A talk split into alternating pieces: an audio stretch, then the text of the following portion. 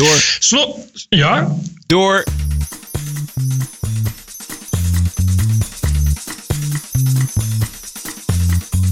This is the TPO podcast.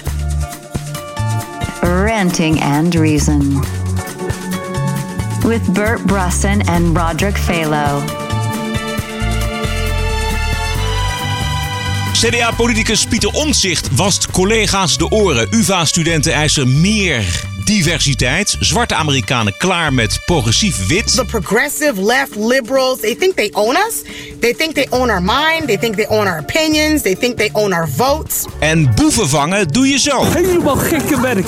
Een koffer gepikt. Welkom bij aflevering nummer 64. This is the TPO podcast. Hoe ligt de Atlantische Oceaan erbij, Bert? Uh, vandaag weer rustig. Gisteren was het denk ik wat woelig. Niet dat ik het heb gezien. Ik kan het van hieruit net niet zien, want er zit een berg voor. Maar uh, verder uh, is het af en toe een beetje onder invloed van Europees stormachtig weer. Dus ja, zeiden ze, ga naar Gran Canaria. Dan is het altijd mooi weer, zeiden ze. dat is de eerste teleurstelling. Goed. wij concentreren ons toch een beetje op het Nederlandse nieuws en het Nederlandse weer. Zometeen Pieter Omtzigt, maar eerst eventjes het, het laatste nieuws eerst. Kuzu, die zou vertrekken als fractievoorzitter bij Denk, maar iedereen opgelucht en, en, en, en, juichen. Maar dat kwam er toch niet helemaal van, want hij vertrekt tijdelijk als fractievoorzitter bij Denk. Ik zag het voorbij komen, ja, maar hij gaat toch het land in om dat soort dingen te doen. Ja, precies. De, de eerste gedachte was inderdaad, Kuzu gaat weg, maar hij, hij, gaat gewoon weg omdat hij iets anders bij Denk even moet gaan doen. Ja, maar het is toch wel raar voor een fractievoorzitter volgens mij, want je bent ja, de leider van die partij. Je kunt ook iemand anders aanstellen in die fractie en zeggen van nou, ga jij eventjes uh, het land in en dan ga jij de boel even uh, bij elkaar houden. Maar dat gebeurt dan toch niet. Um, verder, premier Rutte die heeft um, jarenlang geweigerd de miljoenenfinanciering van Nederlandse moskeeën door de golfstaten openbaar te maken. Maar vanavond komt Nieuwsuur. Uh, en NRC Handelsblad um, met de onthulling. En dat uh, is uh, goed werk van deze twee nieuwsorganisaties. ja, het is wel een scoop inderdaad. Enorme scoop, want mede als gevolg van die buitenlandse financiering groeit het, de fundamentalistische islam en het salafisme in Nederland. Um, er zijn ook cijfers van vier jaar geleden waren nog 13 salafistische moskeeën in Nederland. Inmiddels zijn dat er 27. En dat blijkt allemaal uit de vertrouwelijke memo waar dus Nieuwsuur en NRC Handelsblad hun, uh, hun hand op hebben kunnen leggen. Van de antiterrorisme coördinator NCTV. En het aantal salafistische predikers die is ook verdubbeld in Nederland van 50 naar 110 in die vier jaar tijd. Dit zijn dus de dingen die uh, bijvoorbeeld Macht tot Zee al, al, uh, ook uh, al heeft aangekaart. Ja. En Paul Cliteur, waar wie Duk al heel lang over spreekt, waar heel veel mensen, inclusief de PVV, al heel lang voor waarschuwen. In Duitsland is het ook al heel lang bekend dat er echt een enorme toename is van salafistische moskeeën. En we weten allemaal dat uit, uit die Wahhabistische staten, zeker uit Saoedi-Arabië, heel veel geld komt naar Nederland, naar Europa. Tja, het wordt toch wel een keer hoog tijd dat we inderdaad ook echt cijfers hebben. En die cijfers zijn schokkend, dat kunnen we niet anders zeggen. Ja, uh, ja ik ben benieuwd uh, wat we nu uh, daaraan gaan doen. Wel, volgens Josias van Aartsen moeten we ze vooral de hand reiken, geloof ik, het salafisme. TPO Podcast. Als je CDA-parlementariër Pieter Omtzigt van één dossier afhaalt, dan is dat vragen om moeilijkheden op een heel ander dossier. Pieter Omtzigt is weggehaald bij MH17 dus. Hij stortte zich op de Raad van Europa. En wat blijkt, is één grote corrupte bende bij de Raad van Europa. Want de Raad van Europa die controleert onder meer of verkiezingen eerlijk verlopen in Europa en moet mensenrechten beschermen. En Pieter Omzicht die uh, had een, een tijltje koud water meegenomen om de leden van de Raad van Europa, inclusief de voorzitter, eens goed de oren te wassen. Before people arrive at the European Court of Human Rights, they've gone through years of legislation, of corrupt governments, and of decisions which they want to fight. And when you then look at this parliamentary assembly and find out that the justice is not found here, but that quite a few members of us have been engaging in corrupt activities, we've got a real problem. The problem is that big that if we do not solve this problem, this body may cease to function and at least may cease to be useful what it was founded for to fight corruption, to have elections which are free and fair. We do not even know whether our internal elections were free and fair.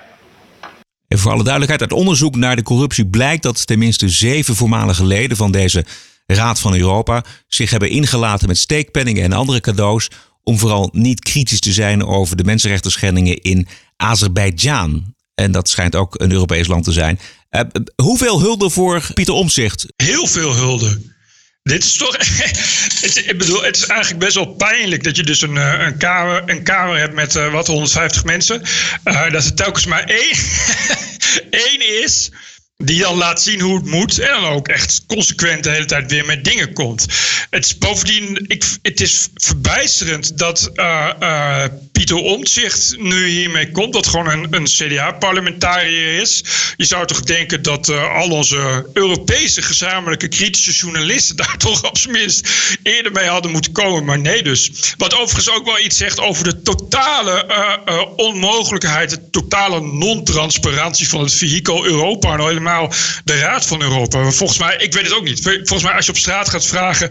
wat weet jij voor de Raad van Europa? krijg je gewoon heel veel vraagtekens. Wat natuurlijk dus inderdaad voeding geeft aan dit soort, dit soort wanpraktijken. Ja. Die overigens natuurlijk iedereen wel had verwacht. Ik bedoel, het is nou niet echt dat ik denk van jeetje, wat hoor ik nu?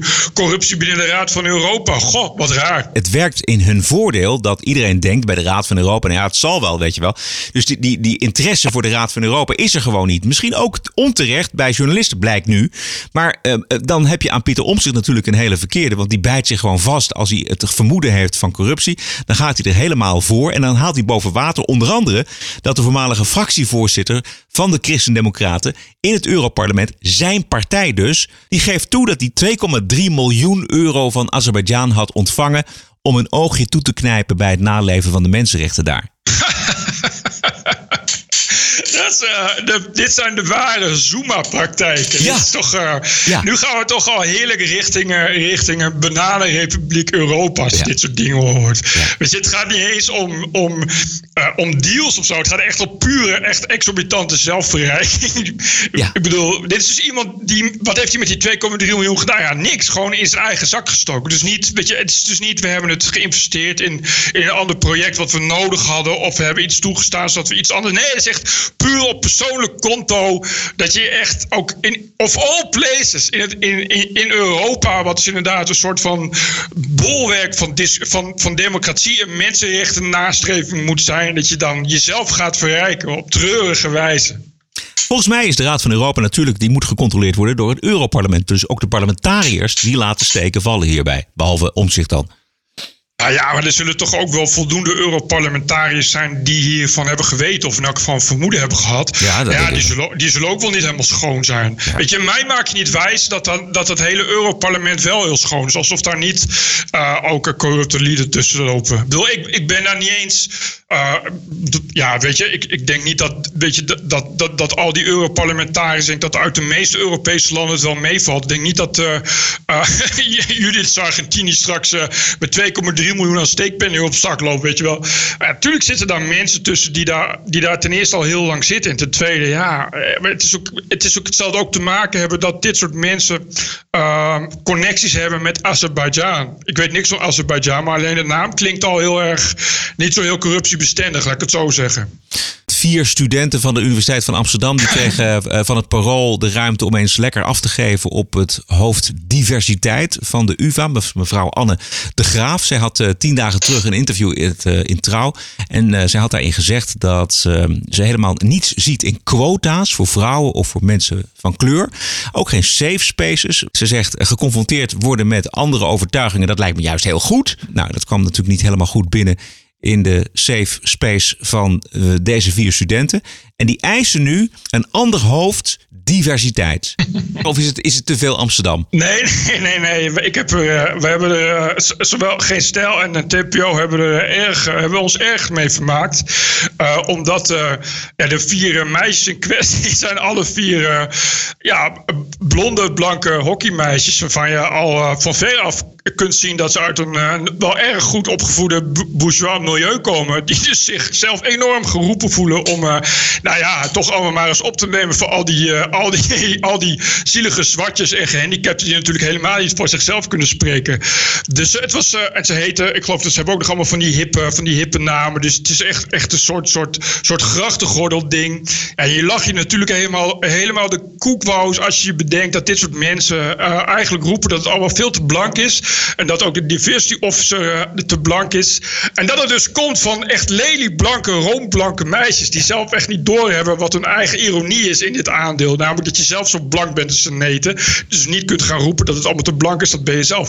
Verder was het ook echt een verschrikkelijk artikel waar echt die mensen eisen. Weet je, hoe, meisje, hoezo eis je dat? Je hebt helemaal niks te eisen. Weet je, hoezo, wij eisen, wij eisen, je eist helemaal niks. Hoezo eis je dat? Ga weg. Het ging helemaal niet zo slecht op de UvA met de diversiteit. Uh, het was natuurlijk wel een gevoelig onderwerp. Luister even naar mevrouw Geert ten Dam. Zij is de hoogste baas van de UvA. En zij zei hierover twee jaar geleden het volgende. Ik vind dat het uh, stukken beter moet. Dat is één.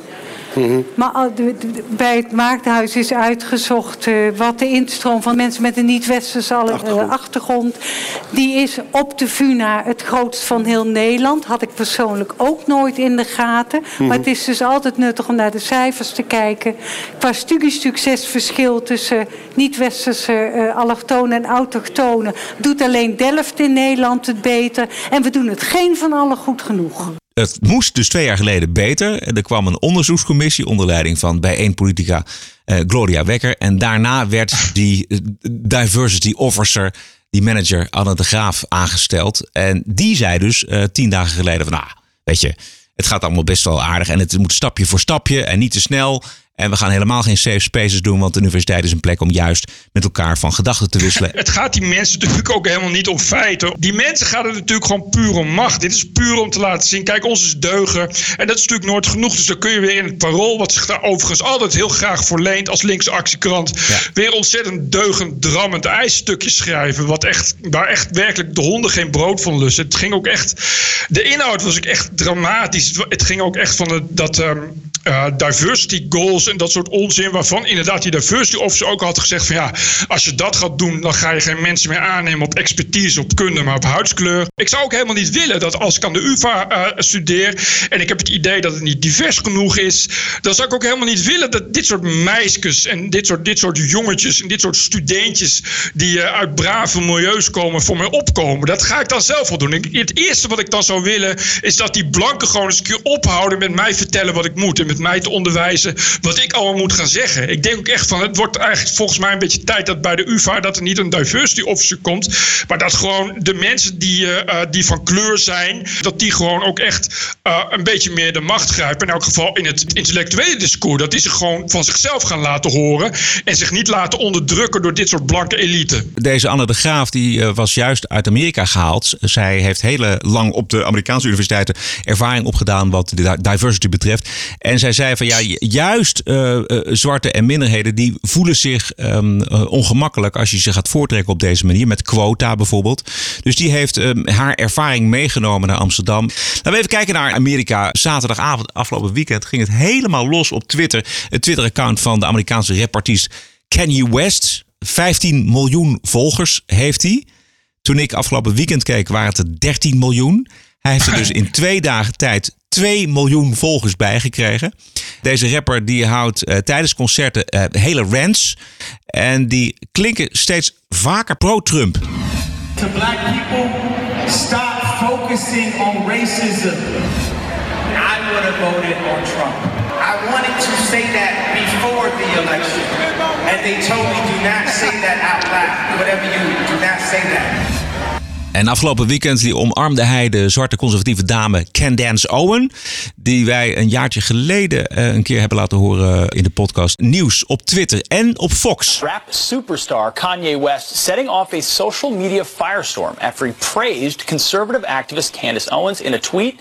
West told his followers that he, quote, loves the way Candace Owens thinks. Well, just hours before that, Candace took on Black Lives Matter protesters at an event at UCLA. Watch this. What is happening right now now in the black community. You're going to hear it in this room first. There's a, an ideological civil war happening. Black people that are focused on their past and shouting about slavery, and black people that are focused on their futures, okay? I can guarantee you what you're seeing happening is victim mentality versus victor mentality. Victim mentality is not cool. I don't know why people like being oppressed. It's the weirdest thing I've ever heard. I love oppression. Uh, we're oppressed. 400 years of slavery, Jim Crow, which by the way, none of you guys lived through. Your grandparents did. And it's embarrassing that you utilize, you utilize their history. You're not living through anything right now. You're overly privileged Americans. Overly privileged Americans. En er gebeurt wel wat. Ja, er gebeurt, er gebeurt wel wat in Amerika op dat gebied volgens mij. Ja, ik heb het hele filmpje gezien, maar er zaten dus inderdaad een paar social justice warriors in de zaal. Uh, en die, die, die konden echt hun woede en frustratie gewoon niet meer kwijt. Omdat zij echt zo'n geweldige rant gaf. En ze heeft het nu ook tegen die mensen, hè, dat ze zegt van, uh, van uh, jullie, uh, jullie voorouders zouden zich eigenlijk schamen wat Ja. jullie nu doen. Wat gewoon waar is. Dat je ook denkt van, weet je, als die mensen, als die mensen nu weer op zouden staan, die komen terug en die zeggen dan van, hé, hey, jullie hebben alles waarvan wij droomden. Jullie hebben alles waarvoor wij hebben gevochten. Jullie hebben geen slavernij. Jullie hebben alle mogelijkheden. Je zit hier op een universiteit. Het wordt kennelijk ook nog door iemand voor jullie betaald of je kunt het zelf betalen. En nu ga je mijn lijk er, erbij slepen omdat ik zeg maar heb geleden. Kom aan, weet je. Luister even naar een, een vlogdame die heet Wendy Bellevue. And now what's interesting is that when you look on Twitter, there's a banner at the top already starting to try to put Kanye West in his place, saying Kanye West now supports far right talking media head Candace Owens. It's interesting because it's now anybody who doesn't agree with the progressive leftist whatever is a far right. I don't remember Candace Owens saying anything far right at all. This intellectual civil war in the black community is well overdue. I think the, the progressive left liberals, they think they own us. They think they own our mind. They think they own our opinions. They think they own our votes right now. These real racists who are attacking her because she dares think differently from where she's supposed to be. She's supposed to be on the progressive plantation as a black person. You're supposed to vote Democrat. You're supposed to vote for the left. You're supposed to stay on, be progressive and be a liberal and be so on and so forth. You're supposed to. How dare you step out of line? So you're stepping out of line? So you're far right. Zwarte Amerikanen zijn natuurlijk een hele belangrijke eh, groep voor de Democraten. En die Democraten die proberen dat natuurlijk voortdurend dat vuurtje op te stoken. Ik vind echt wat zij zegt, is een beetje dat je zegt dit, precies dit. Ik snap niet dat daar bijvoorbeeld eh, aan de UvA niet ook iemand is die dat vindt. Dat je, dat je bij jezelf denkt eh, die mensen die- doen de hele tijd inderdaad alsof ze jou bezitten. Je bent dan alsnog een soort slaaf, maar dan een soort slaaf van een, van een, of andere moraal waaraan je dan moet voldoen. En ja, ik zeg altijd dat je die, die hele social justice warrior gemeenschap is uiteindelijk altijd een, soort circular firing squad. Dus wat er ook gebeurt, je komt er uiteindelijk nooit goed mee weg. Want als je dus inderdaad iets anders zegt, dan ben je meteen extreem rechts en een fascist en weet ik veel wat. Ja, dat is, het is meer een soort van secte waar je dan eh, uiteindelijk heel graag uit weg wil. En dan, dan kost het wat, maar dan ook meteen je scheep verbrand. Dus dan is het niet gek dat mensen die, die eh, eh, zich daar niet langer aan conformeren, zich inderdaad keihard tegen jou gaan verzetten natuurlijk. Ja. Het, is, het is inderdaad de vraag die Kenneth Owens stelt van wat is de lol die je hebt om je als slachtoffer neer te zetten, als slachtoffer van slavernij? Waarom wil je zo graag onderdrukt worden, nog steeds? Weet je, ook al gaat het over je grootouders of je bedovergrootouders en zet je jezelf in die minderwaardige positie. Er zijpelt toch wat meer nuance de mainstream media eh, binnen over Rusland. Eh, Zondag was de gast in Buitenhof eh, schrijver en oud-correspondent Alexander Muninghoff. En hij zette een paar clichés bij de vuilnisbak. Allereerst over het Russisch verlangen om een democratie te zijn. Eh, mensen schrikken zich dood als een Russische leider eh, na- naar democratie tenderende eh, dingen gaat zeggen. Zoals Yeltsin in de deed in de jaren negentig. Dat waren traumatische, chaotische jaren voor de Russen. En men, men, eh, eh, dus, ja, zo is het nu eenmaal. Eh, Men associeert eh, democratie toch voornamelijk met chaos en on, on- onbeheersbare onlusten. Oké. En die zich toen hebben ook eh, plaatsgevonden. En vervolgens ging het over de Russische annexatie van de Krim, dat is het schiereiland in de Zwarte Zee, grenzend aan Oekraïne. Volgens Muninghoff heeft dat, die annexatie, de vrede geholpen. Als ze de Krim niet geannexeerd hadden, Nou, dan? Wat, wat denkt u dan dat dat gebeurt? Geen idee. Nou, ik kan het u wel zeggen. Dan zou Sebastopol zou een NAVO-haven zijn geworden... en dan heb je een casus belli van de eerste orde... die niet meer te ontgaan was. Een reden voor oorlog. Ja. En het ging over de Russische hackers. Ik zou eerlijk gezegd, als ik uh, een grootmacht was en ik zou er niet toe overgaan, dan zou ik dat uh, een, een, kwalijke zaak vinden, eerlijk gezegd. De Amerikanen doen dat ook. En uh, ik denk dat alle grote jongens dat ook doen. Want daar is die cyberworld toch voor. ja, je gaat dat niet links laten liggen hoor, echt niet. Nee. Laten we elkaar geen mietje noemen, hè, wat dat betreft. En hij besluit met een oproep de rol van Rusland in Europa en in de rest van de wereld nou eens te erkennen. Begin nou eens te erkennen en dat klinkt heel raar, maar eh, dat uh, de Tweede Wereldoorlog, dat de Russen daar eigenlijk de doorslaggevende rol in hebben gespeeld. Wij in het Westen zeggen steeds D-Day en de Normandische stranden.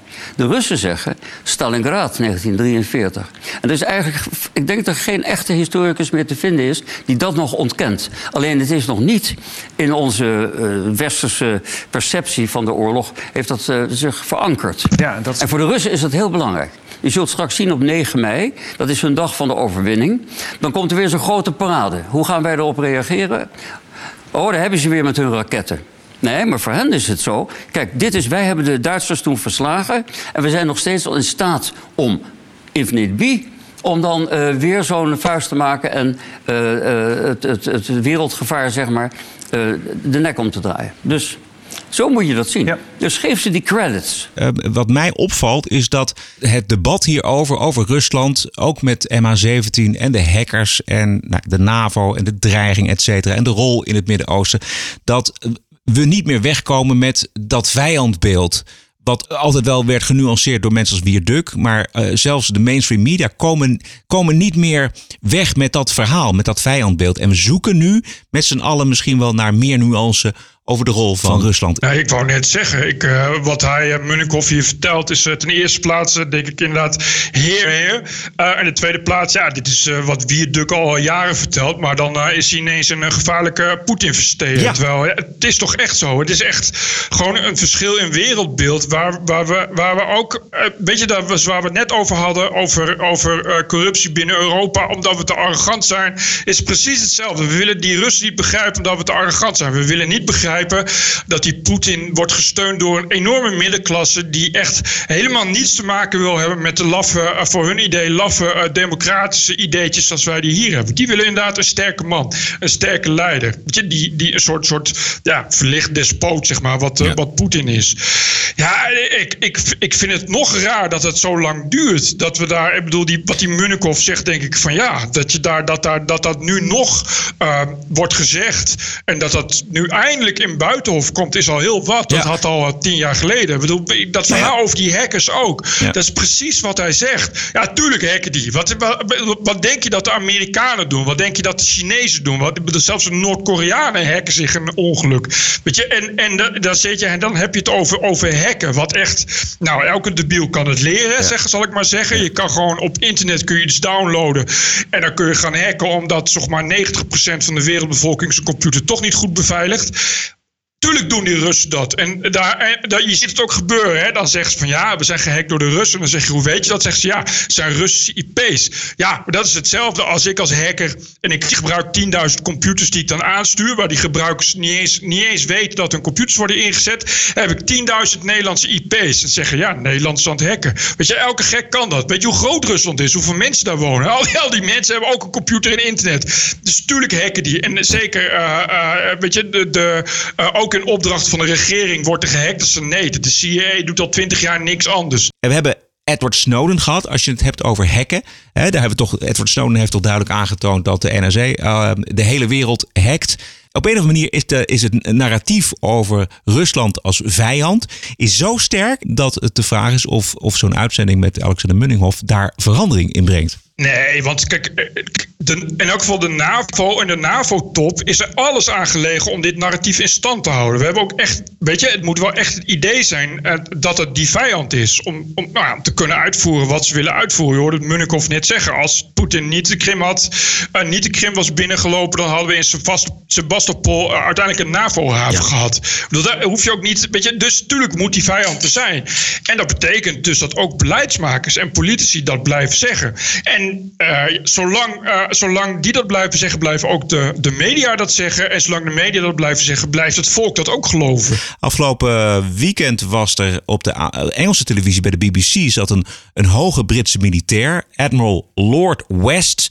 En let eventjes op, in het midden van het fragment zit een vraag, een opmerking van een journalist van de BBC. If they've got really good intelligence, let's say for example GCHQ or NSA intercepts of uh, Syrian officers discussing an attack and saying yes, let's use chlorine, then okay, fine, and I have no difficulty with what was done, none at all. I think if, if he has used chemical weapons, it's absolutely right to do a rap across his knuckles to show him that the international community are not willing to put up with this, and it's right to do it. But I just wonder. You know, we've, we've had some bad experiences on intelligence. When I was Chief of Defence Intelligence, I had huge pressure put on me politically to try and say that our bombing campaign in uh, in Bosnia was achieving all sorts of things which it wasn't. I was put under huge pressure, so I know the things that can happen with intelligence, and I would just like to be absolutely sure. Given that we're in an information war uh, with Russia on so many fronts, do you think perhaps it's inadvisable to be stating this so publicly, given your your position and your profile? Uh, isn't there a danger that you're muddying the waters? Dit. Ja, zo precies dit dus. Ze zegt eigenlijk, ja, maar jij bent een Poetin-versteger. En als je dit zo zegt, ja, dan maak je het alleen maar moeilijker. Dat ze nou blij is en dat ze zegt, u vertelt dat uh, er politieke druk was op u ten tijde van uh, de bombardementen van de NAVO in Bosnië. Uh, vertel daar meer over. Nee, dat zegt ze niet. Ze zegt, is het wel verstandig wat u nu zegt in het kader van de hele informatieoorlog met Rusland? Ik, ik snap gewoon niet waarom je als journalist ook automatisch pro-NAVO bent. Alleen omdat je hier woont, als je daar verslag van doet, van een informatieoorlog die inderdaad gaande is, van een koude oorlog, dan hoor je toch eigenlijk te zeggen, nou, ik sta er gewoon precies in het midden tussen. Dus ik ben, ik ben, ik ben bereid naar alle informatie te luisteren. Dat is toch wat je dan moet doen. Maar dit is dus hoe de journalistiek, ja, nou, dit is BBC, dus dat ligt al voor de hand, dus te werk gaat. En dat heeft ook te maken met conditionering, met, met propaganda, die natuurlijk al, al tientallen jaren een feit is. Want dat zeg ik, Rusland is natuurlijk al sinds het einde van de Tweede Wereldoorlog de grote vijand van iedereen. Ja. Laten we even luisteren naar zijn antwoord nog. Well, I think I, I think the answer is if there's a real concern, if let's face it, if he hasn't done it, then that is extremely bad news. You know, if he hasn't actually, if Assad hasn't carried out the attack, and I think it's just worth making that clear. I think our government's policy towards Assad has not been clever since 2013. To say we're not going to have anything to do with him, he's not the president, we're not going to have anything to do with him, is flying in the face of, of realpolitik, of facts on the ground. And he's a nasty, unpleasant, horrible person. There's no doubt about that. But the reality is he's there. And our policy of not, not talking to him almost has, if anything, prolonged this civil war.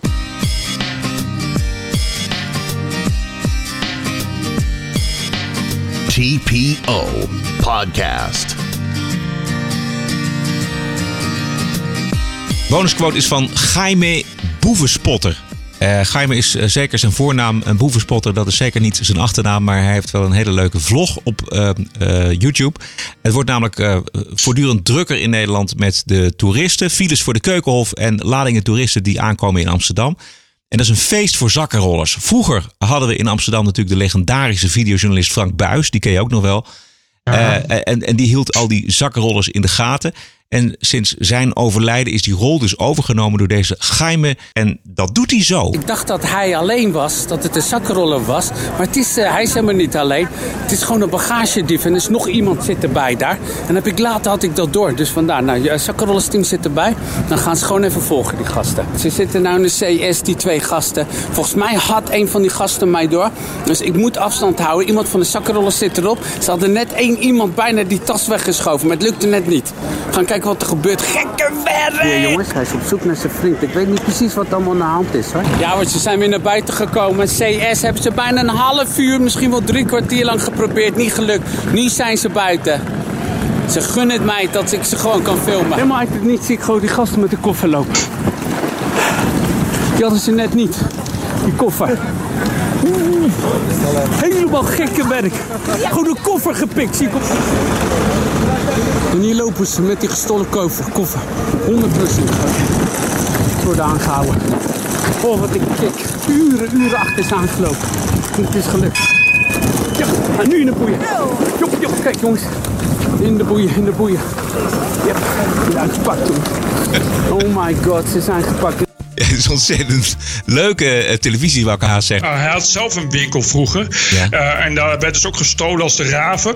En daar heeft hij dus inderdaad ontwikkeld hoe die lui zich gedragen. Want hij herkent ze natuurlijk al op 100 meter afstand. Omdat die lui, ja, die staan aan, ja, die, die gedragen zich op een bepaalde manier. Die lopen dan achter toeristen aan en houden dan de kranten voor. Je kent het allemaal wel.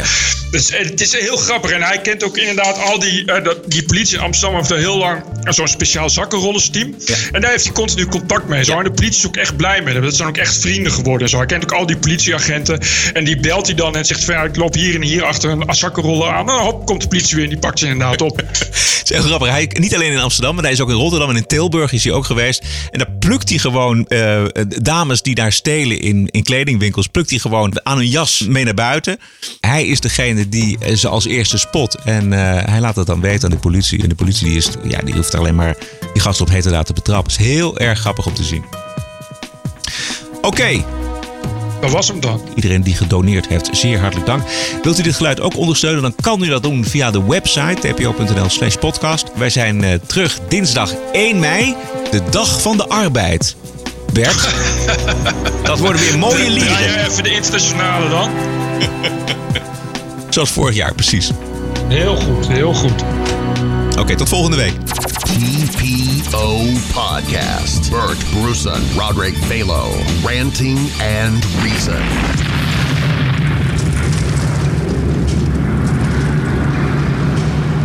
What a show. I'm telling you, Roderick and Bert from TPO. Cool. Yeah.